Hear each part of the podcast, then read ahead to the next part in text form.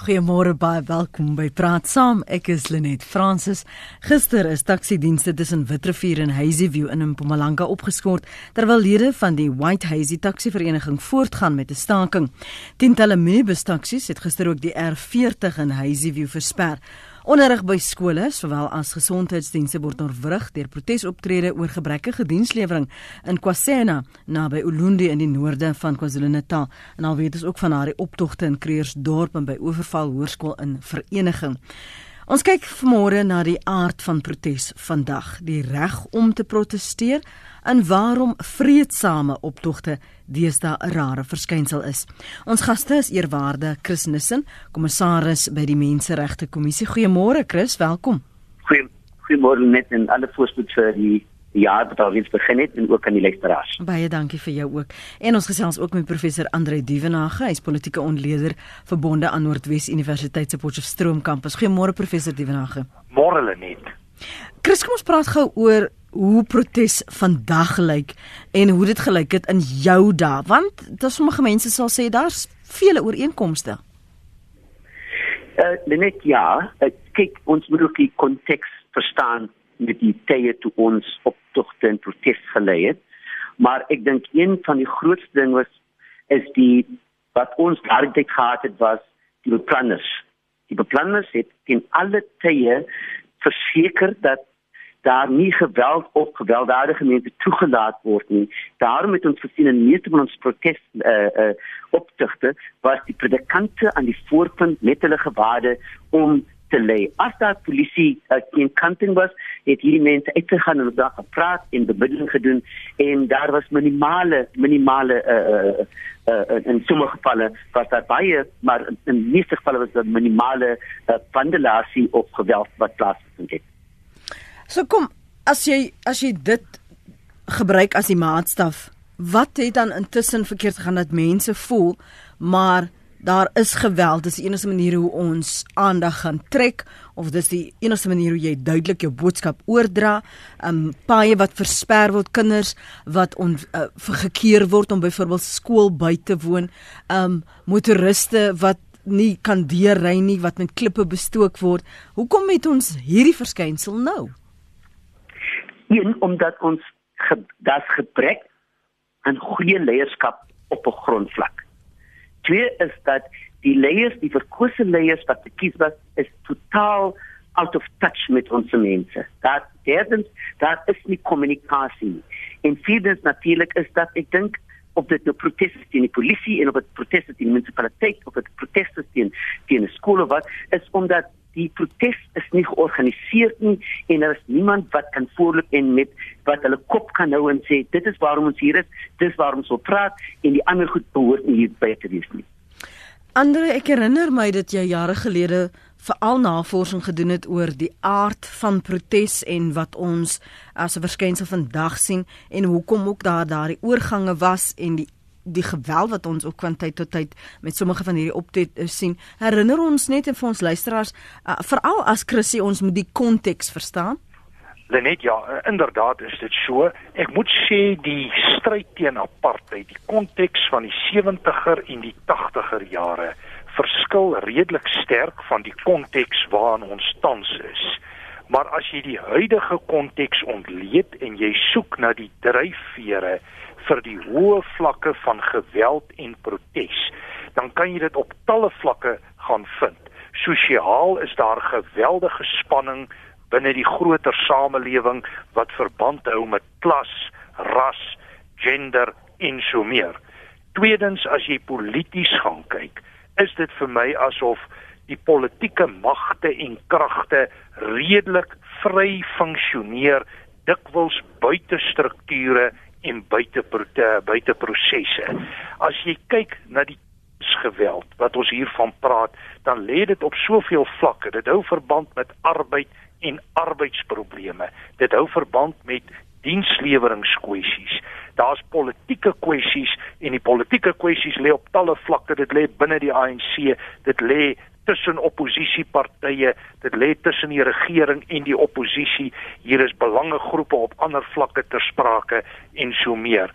Ons kyk net na 'n ander vlak, die taxi geweld wat 'n eie soortige fenomeen is. So in kort, die samelewing in sy strukture definieer op 'n manier konflik en geweld is die wyse waarop hierdie konflik hanteer word en ek moet sê die traject wat ek lees is 'n traject waar dit meer en slegter word net vanoggend het ek waarskuwings gesien dat mense sê jy kan nie meer mol toe gaan nie want die molle word nou geteken vir geweld en hier dink mense aan 'n groepering soos die EFF. Hmm. In kort wat ons benodig is orde en struktuur ook vir die demokrasie om te funksioneer. Sonder orde en struktuur lei vryheid tot wanorde en chaos en dit is 'n traject wat ons sal moet stuit. Dit raak nie net die demokrasie nie, mm -hmm. dit raak die staat as staat. So dikwels word dit uitgebrei, help my as ek jou verkeerd verstaan, help net reg. So dikwels word dit uitgebrei en word juis na byvoorbeeld soos die winkelsentrum geval geneem omdat dit die maksimum impak en ontwrigting gaan veroorsaak en so vinniger jou boodskap verskerp absoluut so. Dis eintlik 'n baie destruktiewe benadering want hmm. binne die demokrasie is daar maniere om te proteseer, om jou sake vorentoe te neem. Daar's regsprosesse, maar polities gesproke verkies partygroeperinge om buite die raamwerk van die wet te werk, selfs sagte teikens in die verband te identifiseer om 'n bepaalde boodskap oor te dra. En dit hang saam met media aandag met vlakke van politieke mobilisasie en 'n klomp goed. Maar 'n mens kan net sê dat dit werklik 'n baie slegte situasie is en dat dit die staat en sy grondwetlike raamwerke wat my betref in gevaar stel. Iets wat jy wil byvoeg voordat ons na die lyne toe gaan, Chris? Nee, ek sien saam met die professor. Kom ons hoor wat het Connie op die lyn op lyn 2 môre? Môre net jou twee gaste. Ja, ek is baie teleurgestel en is ontstellend om te sien dat 'n politieke party binne ons demokrasie vandag 'n uh, deel is van hierdie geweldloosheid. As ons dan nou verwys na die EFF. Maar kom ons terug en kyk na Gandhi destyds met duidelike verset as 'n oplossing wat hy daar gebied het om weerstand te bied sonder om met geweld te rebelleer. En ek ek dink uh is dit dalk 'n gevestigde kultuur wat die ANC as 'n bevrydingsorganisasie destyds geskep het en het dit nie tyd geword dat eh uh, die leiers van die land dan ingryp en sê kyk ons is nou 'n demokrasie en nie meer 'n bevrydingsorganisasie nie. So eh uh, dit is maar my vraag. Ek dink ons het 'n regtig plek in vandag se demokrasie eh uh, dat 'n uh, revolusionêre protes teenoor vredesame proses moet op die regering se agenda geplaas word. Ek haal net vir Gandhi aan wat gesê het, "When I despair, I remember that all through history the way of truth and love has always won. There have been tyrants and murderers and for time they seem invincible, but in the end they always fall. Think of it always." Mooi dag vir julle. Dankie daarvoor Connie en op lyn 1 is Louis, Louis môre. Môre Lenet, hoe gaan dit met jou vanoggend? Dit gaan baie goed, dankie Louis en jy? lanklaas gepraat. Ja.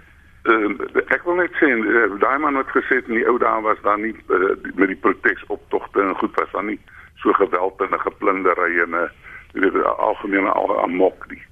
Dis nonsens baie afhang gewees, maar dit was meer in toom gehou deur die polisie. Daai tyd het die polisie was hulle nou het wet en orde gehandhaaf. Vandag die polisie Hulle skop in een mis met hierdie lot. Hulle as daar geplunder word, moenie glo hulle vat nie hulle kat nie. Ek dink hulle is hulle is as net een woord vir dit, 'n slap gatgeit. Dit die polisie is nie is nie eens meer wat hulle was nie. Die mense doen Goed. En hulle kom weg gaan weer. Dankie Louis. Kom ek gee jou kans eerwaarde in 'n sin om te reageer veral ook na die verwysing wat wat uh, Connie gemaak het oor dit gevestigde kultuur binne die ANC is en daarteenoor die voorbeeld van Gandhi en duidelike verset en hoe effektief is daardie soort verset? En um, absoluut eh uh, wil met hom saamstem met die vreedsame eh uh, verset. En as mens ek wil net weer terug gaan na die konteks toe, want ek sal terugkom op dit wat ek weet nou gesê. Een my woorde was daar was minimale vir die die en natuurlik was daar by ander plekke af afhangend van hoe sterk die kwessies was na afhangend van die die polisie op daardie stadium daardie tyd wat gewelddadig op brutaal gewelddadig opgetree teenoor proteste en optogte en dis meer.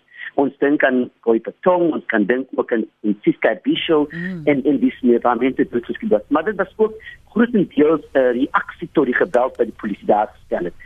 Tweedens, ek wil net sê vandag ook as ons sien hoe die polisie optree.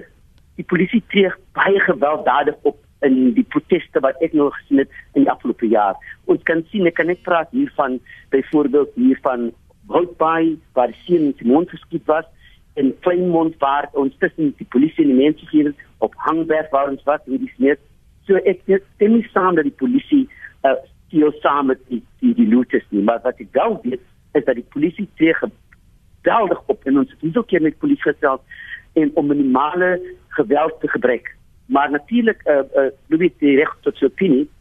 Ek dink ook wat ons wat ons moet verstaan is dat baie van die protes aksies wat daar geweld plaasvind is protesaksies of optogte wat ongeorganiseerd is. Wat ek bedoel by ongeorganiseerd unorganized is die feit dat daar hulle vra nie toestemming nie, hulle volg nie die die die die, die riglyne nie. Mm -hmm. Hulle hulle hulle hulle is is, is enige iemand kan enige net nog genoeg staan en sê vandag gaan ons dit protes, vandag gaan ons die daai protes in die sneeu.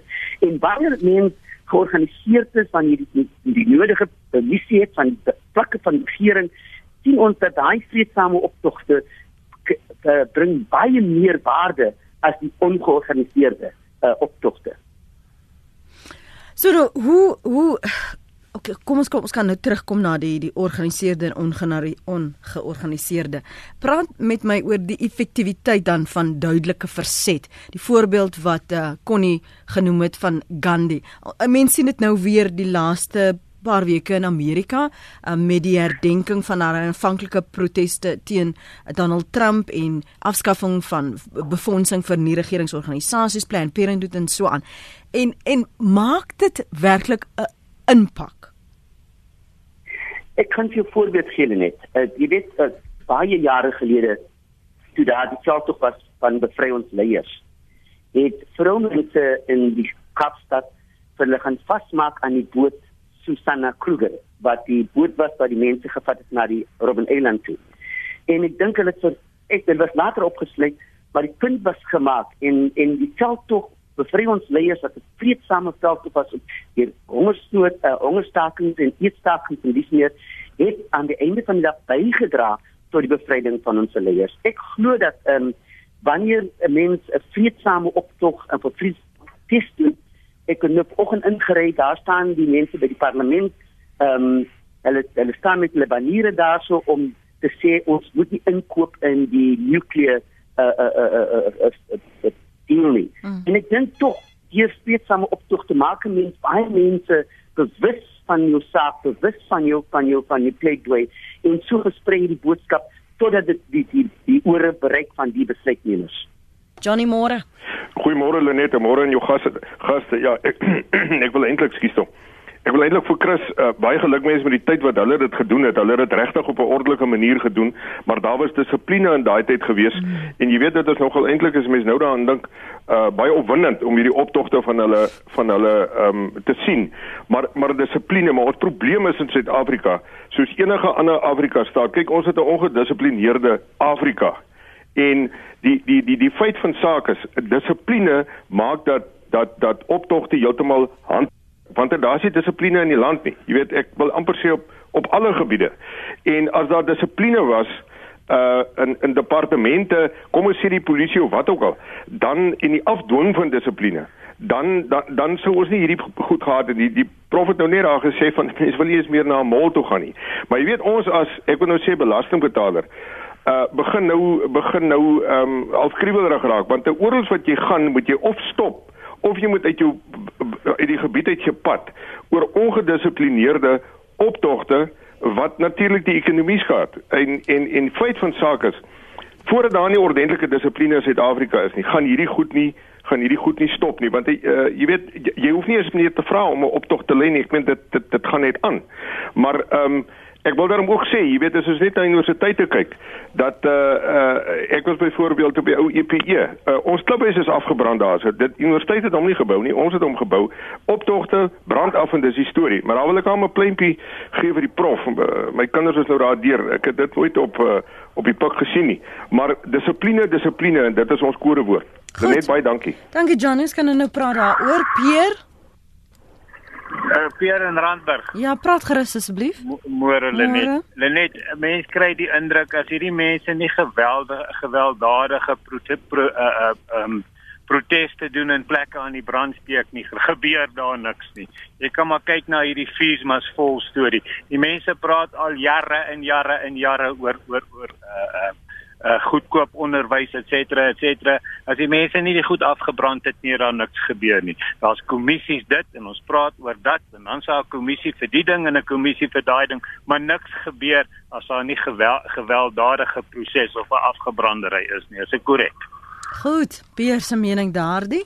Uh, professor Andre Duvenage, kom ons praat oor persepsies en ook die reg om te proteseer. Uh, Chris het verwys na ongeorganiseerde leierskap. As daar dan sulke voorvalle is waar daar nie die prosesse die regte prosesse gevolg is nie, die bly nie by die riglyne selfs nie. Um, al is daar toestemming gegee, waarom word hierdie mense dan nie gearresteer nie? Kom ons praat oor daai twee aspekte vereers. Wel uh, Lenet, ja, dis natuurlik 'n baie goeie vraag en ek moet eerlik dit sommer direk van toepassing maak op die EFF en dit wat hier aan die rand gebeur het in daardie betrokke mol en ek moet eerlik sê in enige demokratiese land waar daar die oppergesag van die reg is, behoort daar aksie te wees en behoort daar optrede te wees. Maar ek wil die gesprek 'n bietjie na 'n ander vlak toe neem en vra wat is ons beskouing van demokrasie? Demokrasie gaan oor deelname en insette en besluitneming ooreenkomstig die wil van mense binne 'n bepaalde regsraamwerk. Nou die probleem op die oomblik is meer as een definisie van demokrasie. En dikwels word hierdie proteste en soms ook gewelddadige proteste verbind aan 'n vorm van deelnemende demokrasie. Die mense is hmm. aktief op die straat en hulle demonstreer hulle gevoel. My probleem is wanneer daardie demonstrasies die punt bereik van wetteloosheid en anargie en ons sien dit uitspeel op talle vlakke op die oomblik gelukkig op die oomblik vir ons nie baie sterk binne die universiteitskonteks nie maar dan moet daar optrede kom nou die argument wat Peer genoem het wat hier teenoor staan is die argument dat as jy nie eintlik geweld pleeg nie, dan is jy onder niemand se aandag nie en dan vind daar eintlik nie aksie plaas nie. Ongelukkig moet ek sê, is daar 'n groot element van waarheid ook daarin op 'n wyse vuil die staat die mense en hulle belange. En nou sit jy met hierdie konflikte wat hulle uitspeel op alle vlakke jy kry selfs die sogenaamde konsep van gepepelreg waar mense eintlik die reg van die polisie en die veiligheidsinstellings self oorneem ten einde orde en stabiliteit te herstel. Maar binne 'n demokrasie, binne ons grondwet is hierdie gewelddadige goed onaanvaarbaar, maar nou moet 'n mens sê daar is omstandighede wat mense dwing om tot daardie punt te gaan, maar ek kan dit nie regverdig vanuit 'n demokratiese uh, perspektief en die hele idee van 'n grondwetlike staat nie. Ek gaan binne oomblikke lees wat van julle hier skryf op sosiale media. Um ek wil net nie hê die lysie moet so spring nie. Ek wil ek die persoon se naam by die by die kommentaar voeg so. Gee my net 'n sekond. As kan dit waar wees Jody? Hier, hier mense Ek weet nie vandag is seker 'n spesiale dag. Hier's 3 Johanne op die lyn. So, soos ander Johan stemme se sê, Johan nommer 1 in KwaZulu-Natal. Môre? Goeiemôre Lenet. Ja. Hallo. Gaan voort Johan in KwaZulu-Natal. Ja, nee, ek wil net weet. Daai man wat wil staak of protesteer of wat hy wil. Hy het die reg daartoe. Ek respekteer daai wet. Ek het nie 'n probleem met daai wet nie. Maar nou ek is die ou wat nie wil proteseer nie. Ek moet nou uh, 'n sekere patry en my motor word nou met met met, met klippe gegooi of my windskerm en ek moet nou gaan geld uitlê om my kar reg te kry. Wat is my reg om om nie te proteseer nie? Hoe word ek beskerm? Ek word nie beskerm nie. Nou lyk dit vir my asof die ou wat proteseer en dit gewelddadig doen, sy wet is Tereg. baie meer beskermd oor hom as teenoor myne. Is dit demokraties? Goed, Johan, dankie daarvoor. Johan in Kaapstad. Goeiemôre. Môre net. Kyk in 1976, ek is nou soos Chris nou saam gesê het. Ek ek is ook deur hierdie goed. Nou die verskil is in 1976 was daar wet en orde geweest. Of jy nou wel van gehou het of nie, maar die regering het wet en orde gehandhaaf. Nommer 1. Nommer 2. Dit het nooit in 1976 het jy gekry dat mense hulle hou eintlik die protes voor soos nou. Maar die uitgangspunt is eintlik om iemand anders se plek te gaan uh verwoes en dan winkels te plunder. Baie dankie. Dankie vir jou mening en Johan aan die Weskus. Hallo, goeiemôre net. Môre. Jy weet ons word deesdae bekend gestel as 'n land van waar proteste om mekaar voortduur. Ek het nou eendag 'n syfer gekyk van hoor van oor die 300 protesoptredes in 'n jaar in ons land. Jy weet, hoe lyk dit? Hoe lyk hoe, hoe lyk ons beeld in die buiteland vir buitelandse beleggers? Want hierdie uh, hierdie tipe van ding word in die buiteland gesien. Die die mense sien dit oor die TV wêreldwyd. Wie gaan uh, wie gaan gaan kom belê in 'n land waar dit so lyk waar jy waar jy, jy moet geld belê en jou jou dinge is so onseker. So hierdie ding uh, gaan baie wyer uitkring en word al hoe erger as daar iets aan gedoen word nie. Baie dankie Boelie net hoor. Goed, dankie Johan. Chris, ons praat oor leierskap wat wat die beplan aan die een kant en dan ook die protesgangers faal want daar word nie by die riglyne gehou nie. Waarom word daar nie meer gedoen om dan vir hulle verantwoordbaar te hou nie? Jy weet mos wie het aansoek gedoen. Jy weet mos wat die riglyne is. Jy weet mos wie daar geteken op daardie toestemmings ehm um, uh, uh, bladsye. So hoekom hoekom sê ons nie en stuur 'n duidelike boodskap uit dat goed Chris en Ellen en Jody, julle moet pa staan vir die geweld en vir wat gebeur het. Dan julle moes marshals gehad het of julle moes die plek die mense onder beheer gebring het. Die net die stad Kaapstad is baie duidelik oor dit. Wanneer hulle permissie gee dat die persone die die organiseerders dat hulle verantwoordelik gehou sal word. En dit daar was 'n saak teen opsig van een unie en wat nog steeds aanhandig is in die meer. Maar in meeste gevalle wat ons sien is dat dit is ongeorganiseerd daar is mense wat nie toestemming gevra het vir, vir op tog of 'n protes te hou nie. En en die leierskap in daardie hele groep is is 'n harte van een na die ander een. Dit is baie moeilik om hulle almal dan te, te, te sê kom ons sit saam en praat oor hierdie goed. En die polisie moet ek sê ehm um, is het, het, in in in in die gevalle is, is, is daar ook 'n lack of consultation met die mense. En die eerste wat hulle begin skiep ons het raad begin skiep dan is daar verwarring en chaos en dan begin van van van die erge vandalisme wat plaasvind. Ons het byvoorbeeld met die polisie gesels na die na die Kleinmond geval. En eh uh, brigadier ehm um, Helbron het dat ons die hele klasse toespreek. En een van die goed wat ons daar gesê het is dat kinders behoort voorbeeld nie in 'n protes te wees nie veral as dit 'n ongeorganiseerde protes is en veral as daar nie toestemming gegee was vir 'n protes nie.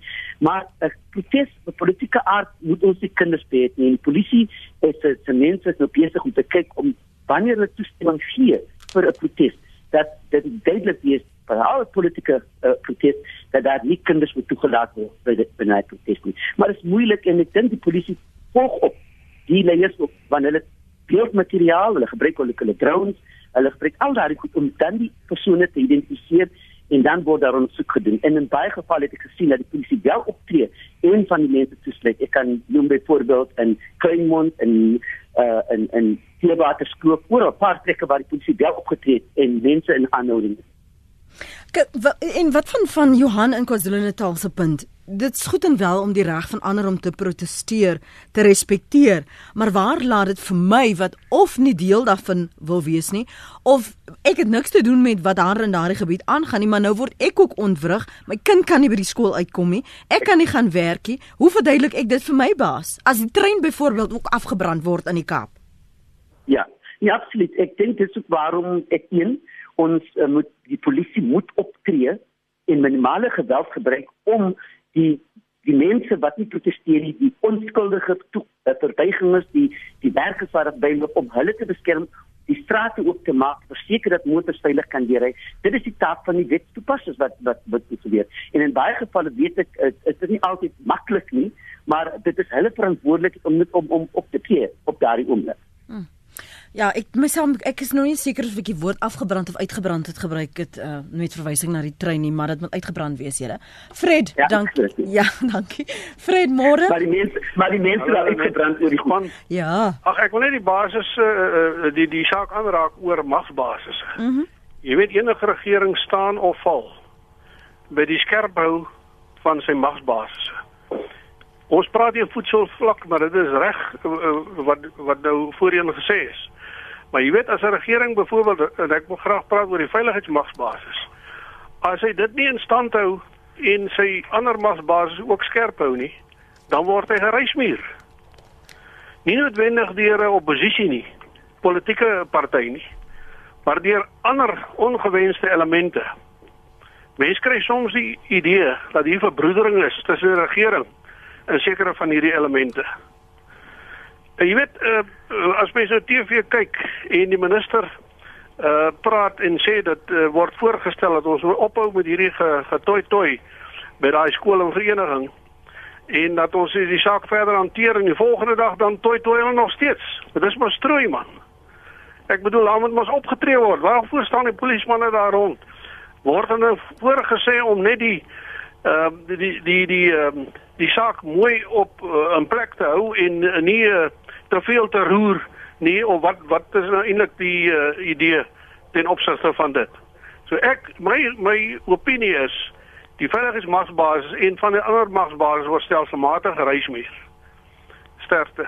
Goed, dankie dan. Okay.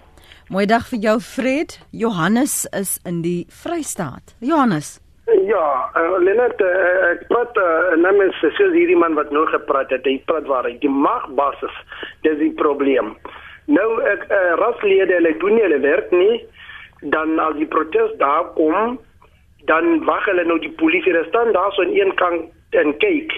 Eh uh, die magbasis nou eh uh, die polisie moet nou oorvat. Eh uh, jy weet nou hulle aanteek soos hulle nou die die ander mense by die werk aanteek en hulle vat hulle chomies en families en as die eh uh, gemeenskap nou oproer maak, hulle staan daar een kant, uh, soos in Johannesburg.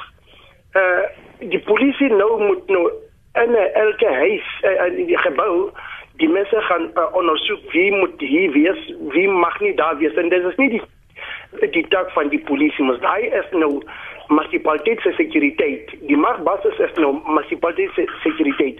Maar met die misdaad dis die polisie se se taak.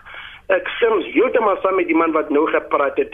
Dis die mense hulle weet nie hulle is net daar by die regering maar hulle is nie hulle is nie seker wat moet hulle doen Lenet. Dit is wat ek wil uh, op die tafel sê dankie. Baie dankie Johannes. Karin dankie vir jou geduld. Môre? Môre. Môre Lenet. Ek bel jy uit Pretoria uit en ek ek dink ek is 'n bietjie deel van 'n volgende generasie. Ehm um, so dit wat ek sien of 'n vraag wat ek net wil vra is ek dink die probleme wat die mense frustreer en vies maak word nie opgelos nie. Hmm. So daar's nog steeds te veel exclusion, uitsluiting, daar's nog steeds te veel mense wat nie voel iets het hulle verander in 20 jaar nie en daai aggressie en daai frustrasie moet ergens heen gaan. Hmm. So my vraag is ons is nou besig om 'n simptoom te dokter en nie die oorspronklike probleem nie. Dis my enige wat ek wil sê. Baie dankie vir jou bydrae, Karin. Ons gaan nou-nou vir Chris vra om daarop uh, te reageer, maar ek wil vir jou vra professor Dievenage kom, kom vir die luisteraars wat nog nie aan 'n optog deelgeneem het nie en deur die mis dalk ook nie die prosesse verstaan nie. Wat sê daardie riglyne wanneer jy aansoek doen? Wat sê wat is die voorwaardes? Wat is die boodskap wat ek as 'n beplanner of as 'n marshal oordra aan die duisende wat nou voel hulle wil Unie gebou toe byvoorbeeld loop. Die roetebepaling en as jy nie daarby hou nie en en die kennisgewings wat moet uitgaan. Help ons om daardie aspekte te verstaan sodat ons luisteraars weet wanneer word daar oortree en wanneer is dit binne perke en binne reg en binne toestemming. Dit net in enige demokratiese staatsomgewing het al die burgers die reg op deelname. En deelname kan baie forme aanneem van tot die sosiale media tot protesoptogte tot talle dinge. Nou wanneer jy kom by protesoptogte en hier moet mens miskien die die funksie van die staat in die eerste plek definieer. Die funksie van die staat is ten eerste om orde, stabiliteit en sekuriteit te verseker. En wanneer deelname wanordelik raak, dan bedreig dit die ordefunksie van die staat. Om hierdie rede word deelname op 'n manier gekoördineer en bestuur. En dit geld jou demokrasie, dit geld die kommunikasieomgewing en natuurlik geld dit ook optogte en wat daarmee saamgaan. Nou onder normale omstandighede moet 'n beplande optog by die polisie of die betrokke veiligheidsamptenare in daardie omgewing aangemeld word. Dit is belangrik dat die doel daarvan geïdentifiseer word, die roeteplan, die beplande aksie. En dan natuurlik moet mense ook verantwoordelikheid neem vir die betrokke proses. Wie gaan verantwoordelik wees indien daar bepaalde skade was? En Chris is heeltemal reg in die Kaapse konteks word daai proses redelik streng toegepas. Dikwels is die uitkomste iets wat anderster, maar die proses word toegepas. So dit gaan daaroor om ordelike deelname te verseker. Daarvoor is daar 'n klomp prosesse in plek en ek wil net terugkom die redes vir ordelike deelname lê by wat Johan ek dink in KwaZulu-Natal gevra het. Wat is my regte wat nie deelneem nie? Want hierdie deelnemers kan nie net reg in eie hand neem en dan letterlik ander mense gijslaers hou of slagoffers maak van prosesse nie. En ongelukkig is laasgenoemde besig om te gebeur en my indruk is dat die veiligheidsomgewing in die algemeen nie altyd behoorlike beheer op die prosesse het nie en dan gebeur dinge soos die optredes van die EFF of Land Black First Land First optredes en handelinge. En wat my aanbetref moet die sterk arm van die gereg daar handel en mense tot orde roep binne die raamwerk van die grondwet en reëls. En miskien moet ons vanoggend weer net benaderinge vir mense beklemtoon dat elke protesoptog is nie noodwendig onwettig nie. Ek dink jy is heeltemal reg dat jy kan wettig deelneem en daar's baie wettige proteste. Maar ongelukkig op die oomblik is daar ook 'n toename in onwettige prosesse daar waar mense letterlik die reg in eie hand neem. En hier is 'n klomp groeperinge waaronder die EFF uh eh, Black First Land First sulke groeperinge wat ek dink ver buite die raamwerk van die reg optree. En dit is vir my 'n bekommernis dat die regsprosesse nie doelmatig handel met hierdie gevalle nie. Ek dink die hele kwessie by oorval is ook 'n voorbeeld in hierdie verband. Kan ons net gou gesels oor wat Karin sê dat ons hanteer die simptome en verstaan en gee nie uiting en antwoorde op die aggressie en die frustrasie nie, Chris? Uh, absoluut, ek stem heeltemal saam. Die probleem wat ons het byvoorbeeld die kwessie van misdaad. Mense voel dat daar word nie hulle geluister nie mense voel met die toename van misdaad, hulle hulle die die die hysprake, die geweld en so aan en veral die die hele kwessie rondom tik en ander verwante drugs wat in ons gemeenskap is en die vertroue tussen die mense en die polisie is is heeltemal verbrokkel en mense vertrou ook nie meer die polisie nie. En ek dink dit is ook wat ons ons daardie vertroue tussen die mense en die polisie moet ons herstel sodat mense kan sien dat die polisie doen hulle werk. Die die die mense sê vir ons dat jy weet hierdie politieke politieke partye kom net na ons toe wanneer dit verkiesing is. Na die verkiesing hmm. sien ons niemand van hulle meer nie. Ons weet nie hoe met hulle te praat en dis nie. So die gebrek aan leierskap en die gebrek aan fisiese visible leierskap wat in die gemeenskap moet plaas en dat mense kan hoor wanneer hulle hulle, hulle, hulle klaar dat daar na hulle klagtes geluister word. En baie keer voel die mense hulle daar word nie na hulle klagtes geluister nie. Dan ook natuurlik moet ons verstaan dat die hele ding kwessie van dienslewering was as as die regering net haar werk doen op die plaaslike en provinsiale en nasionale vlak kan deur deur dit te doen kan ons vertroue van die mense versterk in die regering en ook in in, in die regeringsinstellings. Hmm. Kwart voor 9 Andre, wat jy wil byvoeg of reageer? Ja, ek stem baie sterk saam met eh, Chris. Ek dink dit is 'n goeie opsomming. Ek wil net sê hier is twee kante aan die saak. Aan die een kant moet ek ook sê is politieke partye en selfs die regering skuldig. Hulle mobiliseer geweldige verwagtinge waaraan daar nie voldoen kan word nie. En dit skep geweldige hoë vlakke van frustrasie wat dikwels ontplof in forme van deelname wat gewelddadig kan wees. Aan die ander kant sit ons met 'n verswakkende staat. Die staat wil vir almal alles wees, maar kan in effek baie min doen vir mense se lot en heil. En mens kan maar net dink aan al die diensleweringsprobleme wat ons tans mee sit op talle vlakke Mens dink aan die disfunksionaliteit by Eskom en die moontlikheid wat genoem word dat ons dalk in 'n krisis kan wees teen Maart hierdie jaar. So aan die een kant verwagtinge, aan die ander kant 'n onvermoë om te presteer.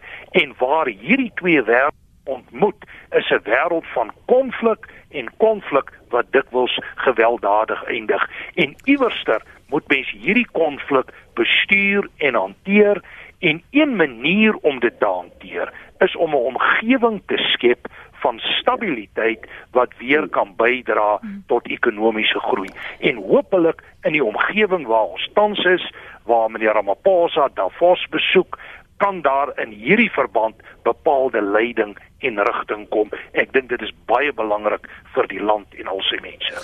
Ons kyk byvoorbeeld net na die die protes daar in in Munsieville en Kagiso waar mense voel Ons het nou almal sonder taal na die polisiekantoor toe gegaan. Ons ons ons sê ons soek nie dwelms in ons um, gemeenskap nie. Ons het hier in Eldorado Park ook gesien, maar mense voel dit al hierdie pleidooi, al hierdie waarskuwings, al hierdie rapportering Andre en Chris val op dowe ore. So hulle hulle hulle voel maar ek voel nie veilig hier as julle nie van my omgee nie. Hoekom moet ek omgee? Hoe, hoe bereik jy en praat jy en maak jy daai mense Chris deel van die oplossing van die gesprek as hulle voel maar julle het my al reeds gefaal. Moenie nou vir my kom vertel julle gaan iets omtrent doen nie. Hier moet ek weer langs die smokkelhuis slaap. Ja, hulle net is inderdaad waar. Ek weet ons moet ook dan kyk na die die kapasiteit binne die polisie en hoe hoe hoe verdeel hulle daai kapasiteit tussen die mense die die gemeenskappe. Ontstaan op die oomblik is daar in die Kaap in een van die howe in, in die stad is daar 'n saak wat gemaak was deur Social Justice Coalition teen die verspreiding van polisie polisie in opsigte van groepe en jy sal uitvind dat vir al die groepe waar dig bewoners en waar daar baie probleme is is daar baie minder polisie So ons moet kyk na die kapasiteit van die polisie en hoe verdeel hulle daai kapasiteit om goeie polisieering te doen. Maar inderdaad die mense is ek nie meer vertroue nie want hulle wys uit en dan sê hulle daar bly die persoon. Hier bly die persoon. Maar ek wil ook net iets anders doen uh, net. Ja. Jy weet in in in in seker van ons gebiede uh, kom die polisie wanneer die polisie die werk wil doen dan is daar van die gemeenskappe wat daardie dwelmbaas beskerm. Ja. Dan is daar van die gemeenskap wat sê nee dan gooi hulle die polisie weg. So daar's ook van die gemeenskap se kant af verantwoordelikheid wat hulle nie wil doen nie. Hulle kla by die polisie oor dit, maar as die polisie kom om toe te slaan, dan hulle die eerste wat van hulle van die ek sê nie wat kla nie, maar dan dan is daar van die gemeenskaphede wat dwelmbaas beskerm. Hoe verduidelik ons dit? En ek dink ons sit in 'n land waar ons geweldig 'n morele agterstand ons daar is amper niks meer waardes wat ons het wat ons sê hoe kan ons 'n gemeenskap 'n burgerskap bou wat ons verantwoordelik optree wat ons weet ons het regte maar ons ook verantwoordelikhede Ben Versagie skryf optogte laat my koud gewelddadig of nie want dit is negatief en die individu kan net hulle mag in die groep wys en dan raak dit 'n massa hysterie. Ek kan nie met enige optog identifiseer nie. Ek dink die individue doen dit net om hulle gesamentlike mag te illustreer. Ek los my probleme eerder op deur persoonlik met die verantwoordelike instansie te praat al mag dit meer as een keer nodig wees, skryf Ben. Zaan, jy's ons laaste oproep vir die oggend. Môre. Goeiemôre. Ehm um, môre net. Hmm. Weet jy, ehm um, ek voel amper ehm um, simpatie met mense wat ehm um, betoog op 'n gewelddadige manier. Ehm um, ek is hier van Wellington en ehm um, die stadsraad het van plan om 'n incinerator op te sit. En ons het nou al 'n vrede vredesame optog gehad. Ehm um, daar's regsprosesse in plek gesit. Maar daar word nie geen reaksie, weet daar word nie geen aandag daaraan gegee oor die gemeenskap nie saamstem nie. So ons bevoel al amper om gewelddadig te raak om reaksie te kry. En ehm um, ja, dit is hoe ons hierso voel. Goed, dankie daarvoor Zan. Maria sê, ehm um, vandalisme van staatseiendom is sabotasie en behoort die aanklag te wees sodat die gepaste vonnis opgelê kan word. En dan sê nog een, waar is dit? Ehm um, dit gaan my verstand te bowe dat H&M nie skade eis van die EFF nie. Dis Gerard se mening. En dan sê Herman Lombard, lees asseblief my SMS oor regte en pligte. Herman, as ek dit net kan kry, ek sukkel nog steeds om adresse te kry. Ek het nou al als probeer. Ek wil dit darm ook net uh, reflekteer wat sy baie vroeg vanoggend haar SMS gestuur. Uh oorsee gebruik hulle waterkanonne met persvloeistof wat 3 dae op jou bly. Gebruik dit om mense wat plunder af te skrik. Um en dan as ek net so verder af af rol Ek verdedig my eiendom, gooi my motor met 'n klip en ek skiet, sê Paul op laaiplek. Die basiese probleem is daar in RSA 'n skeur is. Um maar in die aardkos van ons denke en moreel is. Naamlik mense het regte, maar daar is nie besef, daar is die SMS nou, dat my regte beperk word deur verantwoordelikheid om ander se regte te respekteer nie. Dit is die SMS van professor Herman Lombard in Pretoria. Kom ek vra julle om op te som veral wat ons kan ons klaarmaak. Ons gaan nog protesoptogte sien, veral as daar die vakuum bestaan wat mense voel hulle word nie gehoor nie. So hoe bestuur ons dit Andrei om uiting te gee aan die regte van almal, maar ook die verantwoordelikheid wat daarmee gepaard gaan? Lenet, ek het geen twyfel dat ons nog baie van hierdie protesopstande en baie van hierdie geweld gaan sien in die toekoms. Basies bly dit 'n keuse wat jy moet maak. En ons het baie konflikte, ons het baie uitdagings en baie goed in die groter samelewing, die ekonomie en die politiek. Maar my uh, basiese argument hier is jy kan nie bou deur te breek nie. In daai sin is dit geweldig belangrik om jou energie konstruktief te herlei. As daar 'n gat in die pad is en jy het 'n probleem daarmee en jy maak hom reg, dan dra jy by eerder as wat jy probeer om die pad met bande aan die band te steek. So dis 'n kwessie van kultuur, dis 'n kwessie van keuses en ek dink hier wag nog 'n lang pad van groei vir ons voor, maar ek dink vanuit 'n moreel etiese oogpunt is dit duidelik wat die regte ding is om te doen en dit is 'n nie gewelddadige benadering nie, dit is 'n proaktiewe benadering waar jy die omgewing en die omstandighede moet uh, bestuur tot die voordeel en die belang van al die mense. Andreus, ons kan nie bou deur te breek nie, Chris. Wat sê julle as kommissarisse, die beroep wat julle doen by die Menseregte Kommissie vir veral teenoor protesopgangers, die, die wat georganiseer en ongeorganiseerd optree? Ek stem absoluut saam met die professor. Jy weet, dit bou nie afbreek nie. Maar net ek dink wat ons gemeenskap nodig het, is goeie georganiseerde belastingbetalersverenigings. Ons het goeie city groups nodig. Hierdie jy weet die ou die ou civics wat ons ja. gehad het. Ons het die um, ons moet jeugorganisasies wat wat deelneem aan die kwessies in in in die gemeenskap en dan ook belangrik weet ons wat ons nodig is die kerke en die moskeeë en ander geloofsinstellings om weer eens die stem van die mense te word. Jy weet tydens ons tyd was dit die belangrikste stem van ons mense. Ons het nie meer daardie stem van ons mense nie. Van uh, om met om en hoe kan jy dan ook die die die die uh, die die die gemeenskap as jy nie goeie georganiseerde organisasie het wat die mondstuk van die mense kan word om te gaan praat by die koning se tafel en vir die koning te sê dit is wat gedoen moet word en, en dit is wat nie moet gedoen moet word nie maar ons ontbreek ook aan daardie leierskap in ons gemeenskappe wat die mense kan saamtrek en sê kom ons protes kom ons gaan sit om die tafel want enige protes enige optog oor 'n saak kan net opgelos word rondom 'n tafel of jy dalk van verskrif of nabeskrif dit moet op op 'n tafel opgelos word en praat praat praat van deur praat maak ons dinge reg. Baie dankie vir julle praat vanmôre hier op RSG. Hoopelik gaan ons dit verder neem as net praat maniere. Dankie vir julle beskikbaarheid. Eerwaarde Chris Nissen is kommissaris by die Menseregte Kommissie en professor Andre Dievenage is politieke ontleder verbonde aan Noordwes Universiteit se Potchefstroom kampus. En een van die luisteraars het gesê ons moet verby praat en protes beweeg en begine doen.